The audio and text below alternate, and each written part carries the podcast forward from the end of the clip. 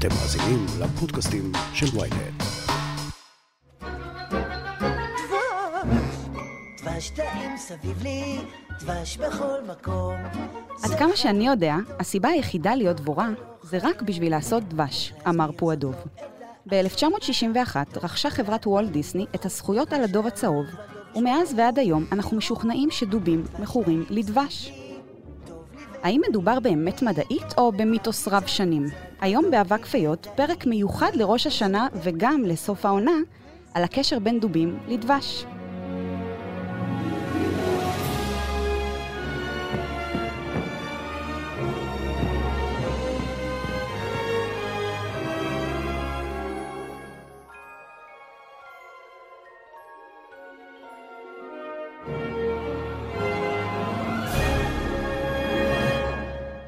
I wouldn't climb this tree if a pooh flew like a bee. But I wouldn't be a bear then, so I guess I wouldn't care then. Bears love honey and I'm a pooh bear. שלום לאורחת שלי היום, ורד שפירא, ביולוגית ממכון דוידסון לחינוך מדעי, הזרוע החינוכית של מכון ויצמן למדע. שלום, שלום. מה שלומך? מצוין. את יודעת, ב-1966 יצא לאקרנים הסרט פועדוב ועץ הדבש, סרט שמבוסס על שני הפרקים הראשונים מהספר המקורי של פועדוב, של אה, אלן אלכסנדר מילן. בסרט מתארים את התאווה חסרת הגבולות של פו לדבש. הוא ממש מנסה להגיע לדבש בכל מיני דרכים, אבל הדבורים קולטות אותו ורודפות אחריו, והוא מצליח איכשהו לברוח. אז האם באמת לדובים יש תאווה חסרת גבולות לדבש? אז, אז קודם כל ראיתי, אני חושבת מאות פעמים את הסרט הזה כבר, ממרומי שלושת ילדיי, באמת המון המון פעמים. וזה סרט נפלא ומקסים, וזה ספר מקסים. וכדי לדבר על דובים ודבש והאם הם באמת מכורים, צריך להבין מה הם בכלל דובים. כי יש הרבה מאוד דובים, זה לא שיש רק דובים צהובים שאוהבים דבש. אז דובים הם, אה, יש משפחה של בעלי חיים שנקראת דוביים, והדוביים האלה יש בהם אה, שמונה מינים של מה שאנחנו קוראים דובים, למרות שבתוך המשפחה הזאת של הדוביים יש משפחה של דובים, שבה יש שישה מינים של דובים שונים, ויש עוד שני מינים שנמצאים בשתי תתי משפחות אחרות, שזה דוב המשקפיים ודוב הפנדה, שהם בעצם פורמלית הם לא באמת דובים. אז בתוך הדובים האלה שהם אה, דובים אמיתיים, יש לנו דוב שפתני, ודוב מלאי, ודוב חום, ודוב שחור, ודוב שחור אמריקאי ואסייתי, ו- ודוב קוטב, והם מאוד מאוד שונים זה מזה, גם בגדלים שלהם, וגם במה שהם אוהבים לאכול, וגם באזור המחיה שלהם. ודוב אוהב לאכול הכל, הם נחשבים, ל- הם שייכים לטורפים, אבל למעשה הם אוכלי קול. השיניים שלהם מותאמות באמת לאכול כל דבר שיש, ו... אם יש גם דבש בסביבה, אז הם יאכלו דבש. אבל זה לא בהכרח נכון, כי נגיד דובי קוטב אוכלים בעיקר, ניזונים בעיקר משומן ומבשר של בעלי חיים שהם צדים וטורפים. ואני מניחה שאם היית שמה שם בקוטב צנצנת דבש, הם היו אוכלים גם את זה, אבל פשוט אין דבור, דבורי דבש בקוטב. אז זה לא משהו שהם יכולים לאכול. אבל דבורים, ש... לא דבורים, דובים, שחיים אה, באזורים שיש בהם מזון ויש בהם דבורים, הם גם יאכלו דבש, והם מאוד מאוד אוהבים את הדבש הזה. אמ, כי דבש זה סוכר, גם אנחנו אוהבים דבש. תגידי, האם כשדובים אוכלים דבש, הם באמת צריכים לברוח מדבורים, כמו שעשה פועדוב? אז דבור, דבורה זה עוקץ, וזה לא נעים, ו... אבל זה מחיר שהם מוכנים לשלם. עכשיו, כשאנחנו אוכלים דבש, ואנחנו אוכלים את הדבש אחרי שניקו אותו, כי אנחנו ככה רודים את הדבש מתוך הכוורת, ואנחנו מעבירים אותו תהליך אה, שלם כזה של עיבוד. אנחנו קודם כל מסננים אותו, ואנחנו מחממים אותו, ואנחנו משקעים את השעווה ומפרידים אותה הצידה, ואנחנו באמת נזהרים לא לפגוע יותר מדי בכוורת, ואנחנו לפעמים אפילו מפסטרים אותו, ואז אנחנו מחזירים את חלות הדבש הפגועות חזרה אל הכוורת, כדי שהדבורים יוכלו לשקם את, ה, את הכוורת שלהן בחזרה. אבל דובים הם הרבה פחות מעודנים מבני אדם, ויש להם ככה חמישה תופרים בכל אה, כף שלהם, והם בעזרת הציפורניים ממש מסתערים על הכוורת והורסים אותה. אבל הם לא עושים את כל תהליך הניקוי, והם למעשה אוכלים את כל הדבר הזה שנקרא כוורת דבורים, יחד עם כל מה שבתוכה. זה אומר שהם אוכלים גם דבורים, והם אוכלים גם זחלים, וגם גלמים. וזה למעשה, זה אולי נשמע נורא ואיום, אבל זה גם הערך המוסף של כל הדבש הזה. כי דבש זה לא כזה בריא, זה מלא בסוכר, אה, סוכר טהור כשאנחנו אוכלים אותו, אבל כשדוב אוכל את הדבש הזה, והוא אוכל אותו יחד עם הגלמים וה, וה, והזחלים, אז יש לזה ערך תזונתי נוסף של חלבון, וזה הפרס האמיתי בעצם. את בעצם, הם לא רואים בעיניים, בקיצור. כן, ולגבי העקיצות, זה מחיר שאתה מוכן לשלם, כי יש בזה כל כך הרבה אנרגיה וכל כך הרבה אה, דברים טובים, שזה מחיר שהם משלמים, הם מוכנים לשלם את המחיר של העקיצות. הפרווה האהבה שלהם מגינה עליהם בדרך כלל מהעקיצות, מהדברים להיכנס פנימה מדי ולעקוץ. והרבה פעמים רואים אה, דוב שהסתער ככה על כוורת, ואחר כך הוא ככה הולך ומתנער ו... ו... כאילו לא קרה כלום. אה, הוא, הוא, הוא מתמודד עם, עם, עם הנזק, אבל זה מחיר שהוא מוכן לשלם. כן, את אומרת שהם מרגישים את הכאב, את העקיצה, אבל זה לא עד כדי כך כדי לגרום להם להפסיק לאכול את הדבש. זה שווה את זה. אז למה בעצם דובים אוהבים דבש? נגעת בזה עכשיו קצת. מה יש בדבש שהוא חשוב, חיוני עבורם? יש את הסוכר. סוכר, חלבונים, אבל צריך להבין, דובים חיים בדרך כלל באזורים צפוניים. יש דובים שחיים בצפון אירופה, יש דובים שחיים בצפון אמריקה. הם חיים באזורים שבדרך כלל עונות השנה בהן מאוד מאוד ברורות. יש חורף ויש קיץ ויש אביב וסתיו. המזון מתחיל להופיע באביב, ובמשך הקיץ יש לך יותר ויותר מזון, אפשר לאכול. במשך החורף, כשהאזור מושלג, והצמחים לא נותנים יותר מדי פירות, ואולי יש לי הרבה פחות אפשרות להשיג מזון. הרבה מאוד דובים נכנסים למצב של אה, שנת חורף. זה לא תרדמת חורף, שזה המצב הקיצוני של להיכנס ממש להיברנציה, אבל זו שנת חורף, ובמשך החודשים האלה של החורף הם לא אוכלים. הם מאבדים המון המון ממשקל הגוף שלהם. הנקבות, שגם מעמידות צאצאים תוך כדי העונה, ממש אה, מאבדות המון המון משקל גופן, והזמן שיש בו מזון, זה הזמן להצטייד. ודוב הוא מכונת אכילה שכל המטרה שלה זה לעלות במשקל כדי לעבור כמו שצריך את החורף. ודבש עוזר בזה? בדבש יש מלא אנרגיה. כלומר, זה סוכר וזה חלבונים ויש בזה מלא מלא אנרגיה, והדוב הזה, שכל מה שהוא צריך זה לעלות במשקל, הוא יאכל את זה, והוא ישלם את המחיר. שמעתם חברים? דבש גורם לעלות במשקל, לא. להגזים בראש השנה, בערב החג, לא להגזים. אז תגידי, איזו השפעה יש אה, לדבש על דובים? למשל, אנשים יכולים להיות מאוד אנרגטיים אחרי שהם צורכים אה, גלוקוז, מתוק, סוכר. מה קורה לדוב בגוף? אנחנו יודעים, רואים את זה עליו, את השינוי הזה? אני לא חושבת שזה משהו שחקרו אותו, איך הם מתנהגים אחרי דבש, אבל בהחלט רואים, שוב, שהם מוכנים לשלם את המחיר של העקיצות. אמ, יש אזורים באירופה שבהם, בעיקר בפינלנד ובאסטוניה, יש אזורים שבהם יש אה, כוורות, של גידול של דבורים אה, לדבש, ושם סובלים מאוד מדובים שבאים ושודדים את הכוורות האלה. אמ, ויש כל מיני אמצעים שהחקלאים משתמשים בהם כדי למנוע מהדובים לגנוב את הדבש, כמו למשל גדרות חשמליות שנועדו להרחיק דובים. והדובים רואים, הח- החקלאים רואים שהדובים מוכנים לשלם גם את המחיר הזה. כלומר, יש להם חוש ריח מאוד מאוד מפותח, והם מזהים איפה הדבש הזה נמצא, והם מוכנים אה, אה, עדיין לעבור דרך הגדר החשמלית כדי להגיע לדבש. יש כל מיני המלצות, אה, לשים אה, גדר כפולה, לשים גדר משולשת, כי יודעים שדובים פשוט מתמודדים עם, ה, עם הסכנה. זהו, אז את אומרת, זה לא עובד, הגדרות האלה. תגידי, יש הלימה בין אה, מקום עם אה, מספר כוורות רב לבין אה, שהייה של דובים ב- באזור?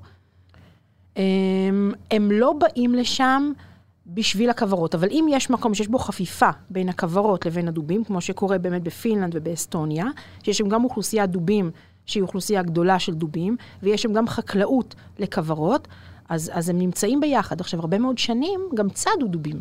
עד תחילת שנות ה-20 אה, צדו דובים באירופה, בצפון אירופה, והמספר שלהם הלך והתמעט, למשל בשוודיה, רק בתחילת שנות ה-20 החלה גם חקיקה והפסיקו לצוד דובים, ולאט לאט האוכלוסייה הזאת הולכת ומשתקמת, ואם האוכלוסייה הזאת נמצאת בכפוף ל- ל- לחקלאות, אז יש נזקים. הרבה פעמים צדו אותם לא רק כדי להשתמש בפרווה, או לא רק כדי, אה, אה, לא בשביל ספורט, אלא ממש בתור נקמה על הנזקים שהם עושים לחקלאות. וואו. אז רגע, אמרת שנכון, הדו- הדובים יש להם שנת חורף, לא תרדמת חורף. נכון. אה, שנת חורף, אז בעצם מה, הם אוכלים את הדבש או את שאר המאכלים אה, בעונה שקודמת, בעונות שקודמות לחורף? באביב. כלומר, בחורף הם לא אוכלים אה, דבש. בחורף אה, בדרך כלל אה, לא, בדר... בחורף הם בדרך כלל לא נמצאים, ו... וזה נורא נורא תלוי שוב באיזה אזורים הדובים האלה חיים.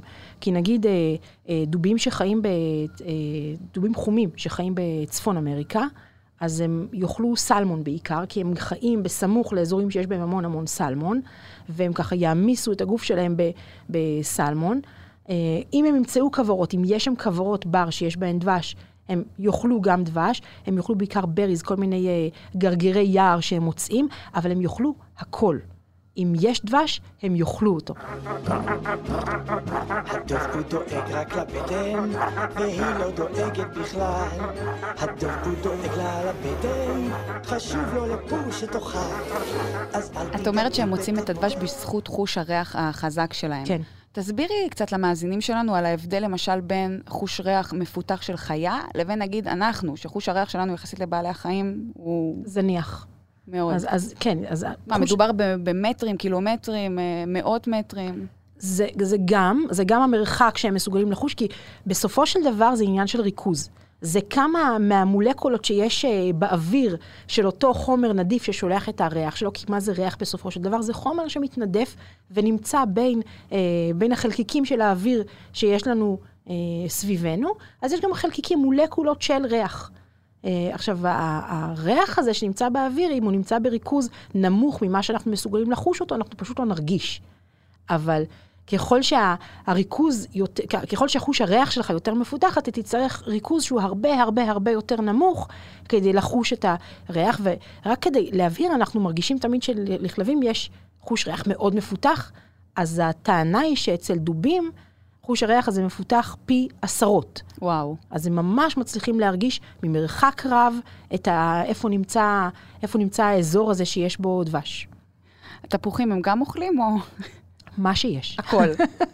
תגידי, דובים יכולים לאגור דבש, או שהם אוכלים אותו על המקום? על המקום. כן, הם לא... הם לא יודעים. אין להם את יכולת... אין להם את הצנצנות האלה שאנחנו רואים בפועדיו, שככה הוא אוסף לעצמו את צנצנות הדבש. הם לא, הגירה שלהם נמצאת על גבי הגוף, במאגרי שומן. שהם גדלים מאוד, רק שתביני מה ההבדלים בגדלים בין, ה, בין החורף לקיץ, אז למשל אה, אה, דוב שחור אמריקאי יכול להגיע למשקל של 40 קילוגרם במינימום, עד ל-300 קילוגרם במקסימום. כלומר, זה ממש, אתה מאבד המון המון במשקל גופך, יש גם. הבדל בין זכרים לנקבות, והנקבות... הן, הן גם יותר קטנות, אבל הן גם צריכות להעמיד צאצאים, ומדברים על שלושה, ארבעה צאצאים בעונה, אז אם אין לך את המאגרים האלה של השומן, היא פשוט תמות ברעב. כן, ו- ויש דובים, נכון, שהם נחשבים, מינים שהם נחשבים בסכנת הכחדה. שישה מתוך השמונה נחשבים בסכנת הכחדה, וואו, זה בגלל. שדוב הוא חיה גדולה. הוא צריך המון המון שטח כדי לקיים את עצמו, והוא אוכל אומנם הכל, אבל הקול הזה צריך להימצא בסביבה. ואם אין לו את הציד שלו ואין לו את, ה, אה, את האזורים שבהם גדלים הפירות שהוא אוכל, או אין שם מספיק את הטרמיטים למשל שהוא אוכל, אז הוא פשוט ימות ברעב והוא לא יהיה מסוגל להתקיים. תגידי, אילו עוד חיות ידועות בתור מכורות, במרכאות, לדבש? אז זה לא כל כך מכורות לדבש, כמו שאוכלות דבש וצורכות דבש על הדרך, יש את גירית הדבש, שאנחנו מכירים אותה כצורכת זהו, דבש. זה עכשיו, זה חלק, זה מהשם שלה, זה... נכון, ויש, אבל יש גם כאלה שהם מתאים, למשל יונק הדבש או הצופית, יונק דבש זה שם שהוא מטעה קצת, הם, הם לא יונקים והם לא צורכים דבש, הם, הם מלקקים צוף של פרחים, אז זה לא באמת דבש. יש כאלה שניזונים מדבורים, יש יצורים שממש אוכלים דבורים, יש בואשים שאוכלים את הדבורים, יש אה, אה, ציפורים שאוכלות דבורים, כלומר הם ניז- ניזונים מהם, כי בטבע נדמה לנו לפעמים שיש דברים שהם לא אכילים כי אנחנו בני אדם לא אוכלים אותם. אבל בטבע כל מה שחי הוא למעשה מזון עבור מישהו אחר, כי יש שם כל מה שגוף חי צריך. בהמשך לאותו הסרט שהזכרתי בהתחלה, אה, פו נכנס למאורה ואוכל בה המון דבש, עד שהוא משמין, והוא לא מצליח בעצם לצאת מהחור של המאורה. אה, הוא צריך לחזות בשביל זה. Oh, oh, oh, help and bother. Well, it all comes from eating too much. It all comes from not having front doors big enough. דבש אה, באמת יכול לגרום לדובים להשמין, זאת, נכון? זאת המטרה. גם ככה אה, הן חיות גדולות, אבל את אומרת שיש פערים. כן, יש פערים, אבל הם חייבים את השומן הזה בעיקר הדובים שבאמת ישנים את שנת החורף, והם צריכים את המאגרים האלה בשביל העונה הקרה, אז הם צריכים את המאגרים. ושוב אני חוזרת לדובות, כי זה התפקיד באמת ה extr, האקסטרימי, שנכנסות למאורה, והצאצאים נולדים בתוך המאורה, והם לא יוצאים במשך, אה, עד שהם כבר קצת יותר גדולים, והם ניזונים מהאם. האמא לא יוצאת החוצה לאכול, היא מזינה אותם, היא מניקה אותם, והם בעצם שואבים ממנה את כל האנרגיה, היא צריכה להגיע מוכנה אל כל התהליך הזה. הרבה פעמים כשאין מספיק מזון בסביבה, אם אין מספיק דבש או מזון אחר, אז הם יהיו מאוד מאוד רזים, והנקבות לא יגיעו בכלל למצב שבו הן מצליחות להתרבות. ושלא לדבר על זה שהגורים פשוט לא ישרדו אם אין מספיק מזון. מה שנקרא רפרנס לסרט אחר של דיסני, שנקרא אה, מלך האריות, וזה נקרא Circle of Life. זה בעצם גלגל החיים. לגמרי. חיות צריכות אה, לאכול חיות אחרות כדי לשרוד, וככה נכון, זה עכשיו עובד. גם, ה- אם עוד נלך לעוד סיפור, אפילו עוד יותר עתיק של זהבה ושלושת הדובים, נכון? יש לנו שם את המשפחה עם הדובים, נכון. האימא והאבא וה, והגור. דובים לא באמת חיים ככה. כן. אז הם בדרך כלל חיות אה, יחידאיות, כלומר, הן לא חיות בקבוצה. אה, המצב היחיד שבו נראה קבוצה של דובים שמסתובבת יחד זה אימא וגורים. Mm. הגורים נשארים איתה בערך עד גיל שלוש, נמצאים ככה לידה, ואז כל אחד ימצא ככה את הטריטוריה שלו, את הסביבה שבה הוא חי. אז אנחנו לא נראה להקות בשום מקום? אין להקות של דובים. זה לא קיים, זה אימא וגורים בדרך כלל, וגם האבא לא, לא, לא, הוא לא בסיפור. אני מחזירה אותנו קצת אחורה, אמרת שיש אזורים שאין אין בהם דבש, למשל דובי הקוטב. נכון. הם, איך הם צורכים מזון, מה הם אוכלים? אז הם- מסלמון? מה, לא, סלמון אין אפילו, גם- גם, גם, גם סלמון שם. בקוטב הצפוני, הם יאכלו כלבי ים, הם יאכלו מה שיש. זאת אומרת, זה יצור שהוא הוא מכונת הישרדות. הוא אוכל מה שיש, ובסביבה של דובי הקוטב יש להם כלבי ים ויש להם דגים, הם שוחים. אגב, כדי לשרוד בקוטב, שזה אזור שהוא הרבה הרבה הרבה יותר קר, אפילו מצפון אמריקה, אז דובי הקוטב הם, כל דוב מותאם לסביבה שבה הוא חי, ודובי הקוטב הם באמת, באקסטרים הם גם נחשבים לטורף היבשתי הגדול ביותר, כשהגודל של דוב קוטב יכול להגיע ל-700 קילוגרם, בין 150 ל-700 קילוגרם זה הטווח קילוגרמים של אה, דוב קוטב, והגורים שנולדים שם במאורה, והאימא מניקה אותם, הם צריכים לצאת מוכנים לקוטב.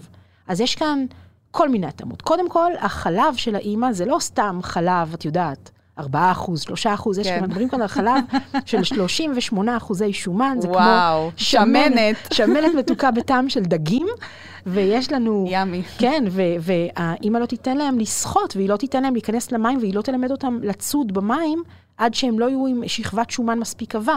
ויש שם שכבת שומן עבה, ויש שם עוד שכבה של פרווה שהיא מאוד מאוד עבה, כשהפרווה מבודדת אותנו מהקור על פני היבשה, mm-hmm. השומן מבודד כשאתה שוחה בתוך המים, והפרווה הלבנה הזאת, אה, מתחתיה נמצא אור שחור. האור של דובי הקוטב הוא שחור, כשמעליו יש פרווה שהיא פרווה לבנה, אבל היא למעשה שקופה, והרעיון הוא זה שהאור השחור בעצם אה, לא נותן לך לאבד חום. זה קצת אה, קרינה של גוף שחור, שזה שומר ככה את החום בתוכו, וגם החום שמצליח להיפלט החוצה, מוחזר חזרה על ידי אותה פרווה שקופה, שממש שוברת את הקרינה הזאת ומחזירה אותה פנימה ושומרת את כל החום הזה בתוך הגוף. וואו, זה מדהים. אז בעצם דוב הקוטב על- הלבן הוא בעצם שחור. הוא למעשה שחור עם פרווה שקופה, כן. נהדר. אז רגע, כשדוב מוצא אוכל, או במקרה שלנו עסקינן בדבש, אמ, הוא יפסיק לאכול כשהוא שבע, הוא יפסיק לאכול כשנגמר הדבש, או האוכל שהוא מוצא? זאת שאלה מצוינת. הוא יאכל. הוא יאכל כמה שהוא יכול. אמ, שבע, אני לא יודעת כמה, הכוורת צריכה להיות די גדולה כדי שהוא יהיה ממש ממש שבע, אבל הם באמת אוכלים אה, כמעט בלי הפסקה כשיש מזון. וואו. כן. בספר המקורי של פועדוב, כל החיות שם צמחוניות. אז כבר הבנו עד עכשיו שאנחנו יכולים להפריך גם את המיתוס הזה, כן? אין דובים שאוכלים רק דבש או, או פירות. כן, אבל לא טבעוניות. כן. כן. אה, וואו, כן. התזונה שלהם מורכבת בעיקר מבעלי חיים אחרים, נכון? כלומר, אם נשים את הדבש הצידה, זה לא מרכז התזונה שלהם. לא, לא, ממש לא מרכז התזונה. יש, שוב, יש אה, דובים שאוכלים אה, טרמיטים. יש לנו את הדובים שחיים במלזיה, שהם אוכלים אה, טרמיטים, הם בעזרת התופרים שלהם ככה מפרקים את קן הטרמיטים, ועם הלשון שלהם מוציאים ככה נמלים, טרמיטים ואוכלים חרקים, אבל לגמרי לא, זה לא עיקר התזונה. זה לא, אין, אין דוב שמתבסס אך ורק על דבש כדי לשרוד. גם תחשבי, הכמות של אה, כוורות, אין אה, איזשהו כן. ריכוז מטורף של כוורות ביער שיאפשר לדוב ל- לשרוד, זה לא, זה לא משהו נכון. שקורה כל כך. נכון.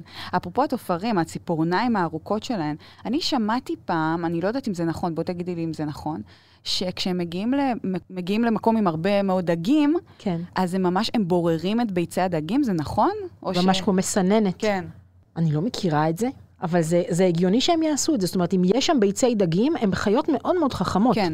הם, זהו, אה, האם דוב היא חיה חכמה? שאלה חשובה, כן. דוב היא חיה חכמה, ומעבר לזה שהיא חיה חכמה, זה, זאת חיה שנורא קל לנו להתחבר אליה. וככה ניסיתי לחשוב לקראת המפגש שלנו היום, למ, למה אנחנו כל כך מתחברים לדובים? נכון, יש, אה, את, ואמרת, יש פועדו, אבל יש גם אה, זהב ושלושת הדובים, ויש אה, דובוני אכפת לי, ויש, אנחנו מאוד מאוד נכון, אוהבים נכון. דובים, יש, יש בהם משהו שאנחנו אוהבים. ואז הבנתי שלמעשה הם בעצם הקופים של אירופה, הם, הם הקופים של, אה, של, אה, של צפון כדור הארץ, כי נורא קל לנו, אנחנו רואים יצור שהוא עומד על, על, על שתיים, והוא משתמש בזרועות שלו, ויש לו, האמא מסתובבת עם צאצאים, ואנחנו רואים ככה את הקשר ביניהם, וזה משהו שהוא נורא קל לנו להתחבר אליו. זהו, להזדהות, שזה מצחיק, כי דוב היא, היא, חי, היא חיית טרף. היא חיית טרף, ו- ואיכשהו באמת לימדו אותנו מילדות שזו חיה חמודה. כן, שזאת חיה חמודה, שאנחנו... אבל שוב, אני חושבת שאלה שחיו ביערות ב- בסיביר, סבתא שלי למשל, אה, כשאני הייתי ילדה ורצו לספר לי סיפור על, על פעם מזמן, אז היא הייתה מספרת איך היא הייתה לה מעקה למקרה שיבוא דוב. אה, זאת אומרת, וואו. אה, זה כן, הם ידעו לפחד, אנשים ידעו לפחד מדובים, מדובים, אבל יש משהו באינטליגנציה של החיה הזאת ובצורה שבה היא מתפקדת סביבך, שהוא מעורר כבוד ואולי גם מעורר איזושהי הזדהות שלנו. אה, זה, היא, היא מרגישה לנו דומה לנו. כן, מעניין, מאוד. Um, כאנקדוטה לסיום, אני אספר לכם שהדוב שהיווה השראה לפועדוב היה בעצם דובה, קראו לה וויני, וויני דה פו באנגלית.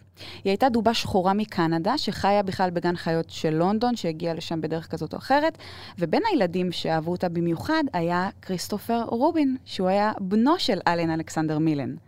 אז הוא קרא לדוב אה, הצעצוע שלו על שמה, ולימים אביו כתב עליו את הספר, פו הדוב. אבל יש סיפור נוסף, אה, שתספרי לנו על המשמעות של השם אה, טדי בר, נכון? נכון, אז קודם כל ראיתי את, את פו הדוב המקורי נמצא בספרייה של ניו יורק. הוא נמצא שם במין ארון צדדי קטן שאתה לא שם לב אליו, ואם אתה הולך רגע לשירותים, אז אתה פתאום נתקל בארון הזה של אה, פו הדוב, והוא איך יושב לא, שם ככה איך בשקט. לא נתנו לו אה, מקום של כבוד כן. בספרייה? אמ, אז, וטדי ברס, שאנחנו כל כך מכירים את הצעצוע הזה של דובון, שוב, כי אנחנו נורא נורא אוהבים דובים, אז האגדה מספרת שהטדי בר הראשון, הדובון צעצוע הראשון, והשם הזה, טדי בר, זה על שם אה, תיאודור רוזוולט, שהיה נשיא ארצות הברית, והסיפור מספר שבשנת 1902, הוא יצא למסע ציד, כי זה מה שעשו אז אה, נשיאים ואנשים, יצאו לצוד בעלי חיים, כי זה מאוד מאוד ספורטיבי אולי. כן, אז אה, היה ספורט. זה היה ספורט.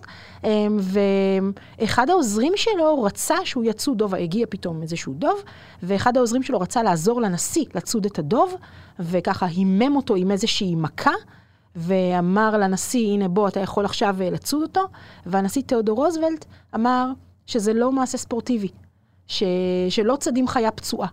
ולמחרת התפרסמה קריקטורה בעיתון, שרא, שראו את uh, הנשיא ואיזשהו דובון, וה, והנשיא אומר uh, שזה לא מעשה ספורטיבי, והחברת צעצועים אחר, אחר כך הוציאה צעצועי דובונים, שהם uh, נקראו טדי ברס, של שם הנשיא רוזוולט. בעצם אנחנו מנסים לחכות אחר ההתחלה של אה, אותו זה, אז זה שם. כן.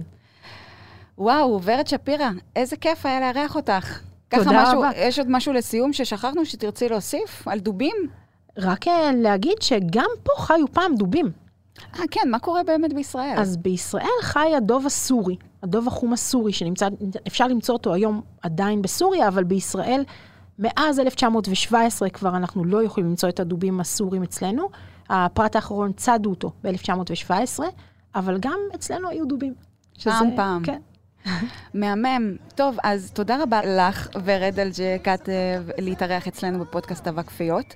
אה, ולכם אני אאחל אה, שיהיה חג שמח ושנה טובה, ואנחנו ניפגש פה כאן לעונה שנייה מיד אחרי החגים. ביי ביי.